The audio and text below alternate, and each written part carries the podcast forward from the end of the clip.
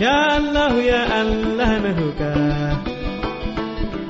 Allah ni kai ne na roƙa baro ki ka ton ka ba. Ku jama'a tambaya ni ke da. Ku jama'a tambaya ni ke da.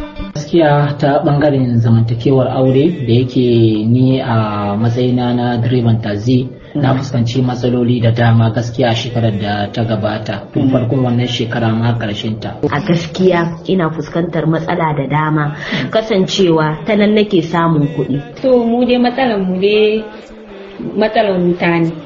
Wani za a ɗauke wuta da safe ba za a dawo da shi ba wani sai vendor Masu saurare Assalamu alaikum barkamu da asuba barkamu kuma da sake saduwa da ku a shirin domin iyali alheri Grace Abdu ke muku fata alheri da kuma fata iyali na lafiya. A ci gaba da haska fitila kan yanayin rayuwa da zamantakewa al'umma a ƙasashen nahiyar Afirka. A yau shirin domin iyali ya bakunci ƙasar Kamaru inda kamar sauran ƙasashen nahiyar waɗansu masu ƙaramin ƙarfi da shirin ya hira da su suka bayyana ƙuncin rayuwa da suka fuskanta a shekarar da ta gabata. Da kuma matakan da suke son ganin gwamnatin ƙasar ta ɗauka a wannan shekarar. Ga wakiliyarmu Maimunatu Sado da bakin namu. ni dai malam mustapha sunana kuma ni direban tazi ne mata na uku to amma mun rabu da ɗaya mata na biyu a halin yanzu da 'ya'ya kuma guda biyar gaskiya ta ɓangaren zamantakewar aure da yake ni a matsayina na direban tazi na fuskanci matsaloli da dama gaskiya shekarar da ta gabata. Tun farkon wannan shekara ma ƙarshen ta. To kuma inda na fi fuskantar ƙalubale a kusan ƙarshen shekara ne kunce tsakiyar shekarar da ta gabata inda muka fara fuskantar tukunna matsalar ƙarancin man fetur wanda gaskiya ya tada hankulan mutane matuka wanda wannan lokaci masu ababen hawa yan tazi da ma wato masu mashina sun fuskanci wannan ƙalubale to kin ga wannan amari ya shafe mu. To wannan dai ya kai ga har ma na yi zama a gida wanda babu damar fitowa da ainihin tazi kin ga kuma tazi da wannan man fetur yake aiki. Na kwashe kusan makonni uku zuwa wata guda ina zama a gida saboda wannan kalubalen da ake fuskanta. Na wato ƙarancin man fetur a wannan lokacin dai mun ga yadda aka dinga cincirindo a wato wajen mashayar mai.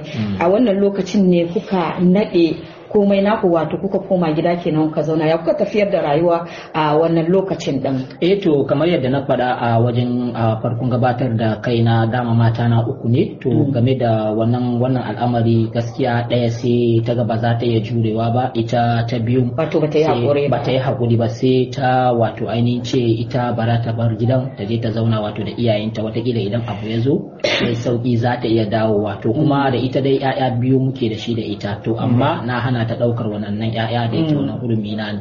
To kinga wannan duk man fetur ne wannan ƙarancin man fetur ne ya kawo wannan dai matsala.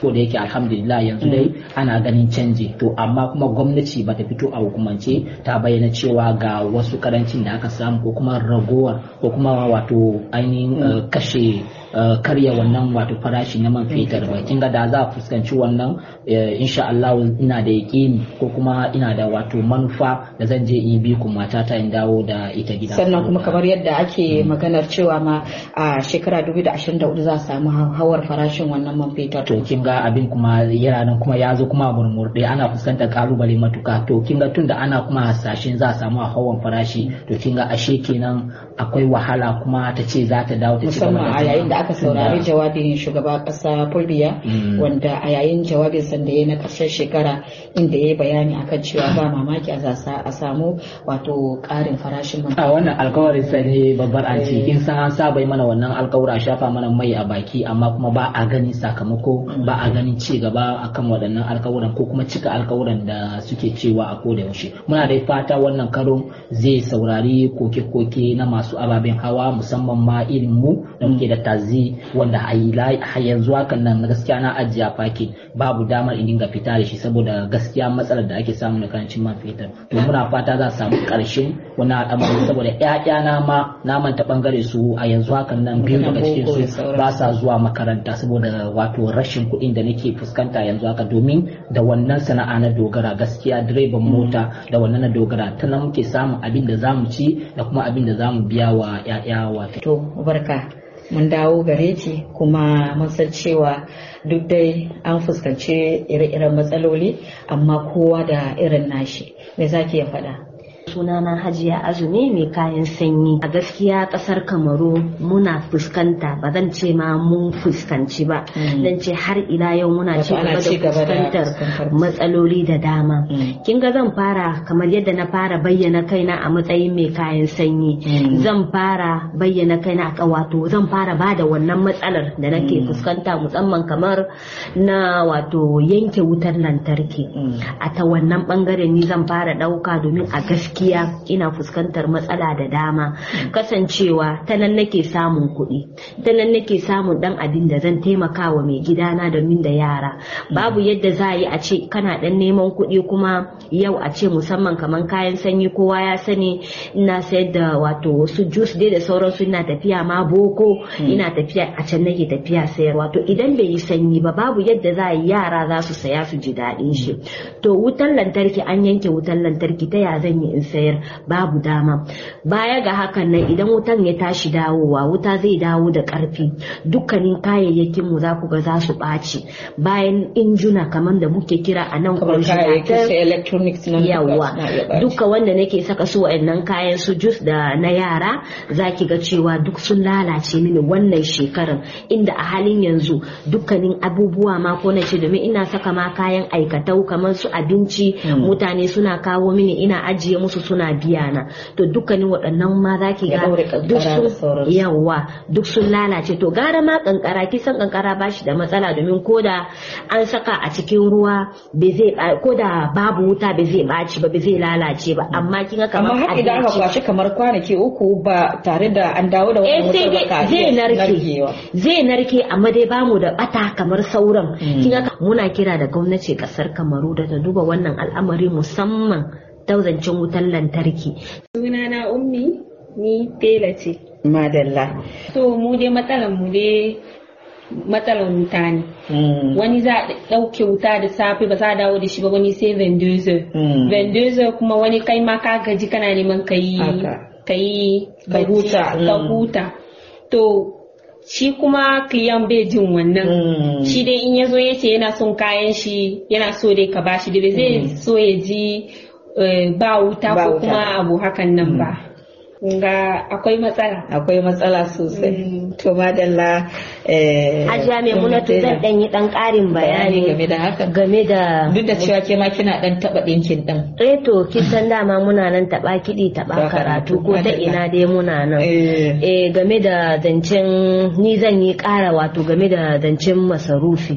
Kin san a nan gaskiya muna fuskantar matsaloli musamman kin ga shinkafa. Ya haura a wannan shekara ta 2023 komai man girki komai ya karu to kin ga abubuwan da muke saye a can baya shekara ta 2022 ba kamar wannan shekara ta 2023 karki manta cewa ainihin shugaba kasa fulbiya yayin jawabinsa ya alakanta wannan lamarin da ainihin yaƙi da rasha. da ukraine. Yawa da kuma wanda a halin yanzu ake na ƙasar isra'ila da hamas. To ni ban ganin yadda zai ya danganta wannan yaƙin da domin akwai wasu ababen din ba sai lallai daga can suke fitowa ba. Wasu sai daga nan wasu daga nan ake kirkirwa musamman idan muka duba muka gani. Kisan ni mama ce dole ne zan san irin waɗannan kaman abin da muke sakawa a girkin nan. Kiga majin da ake kiran nan.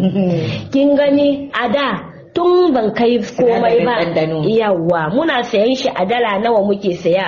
Dala biyu amma a wannan shekara ta 2023 ya haura har ya kai ga akwai wani lokacin da muka dinga saya huɗu dala goma. An rage mana ɗaya to ina za mu sa kanmu? Gishirin da ake daurawa dala biyar biyar ya kai ga dala yanzu dala goma ake daura shi. To kin ga ina za mu saka kanmu?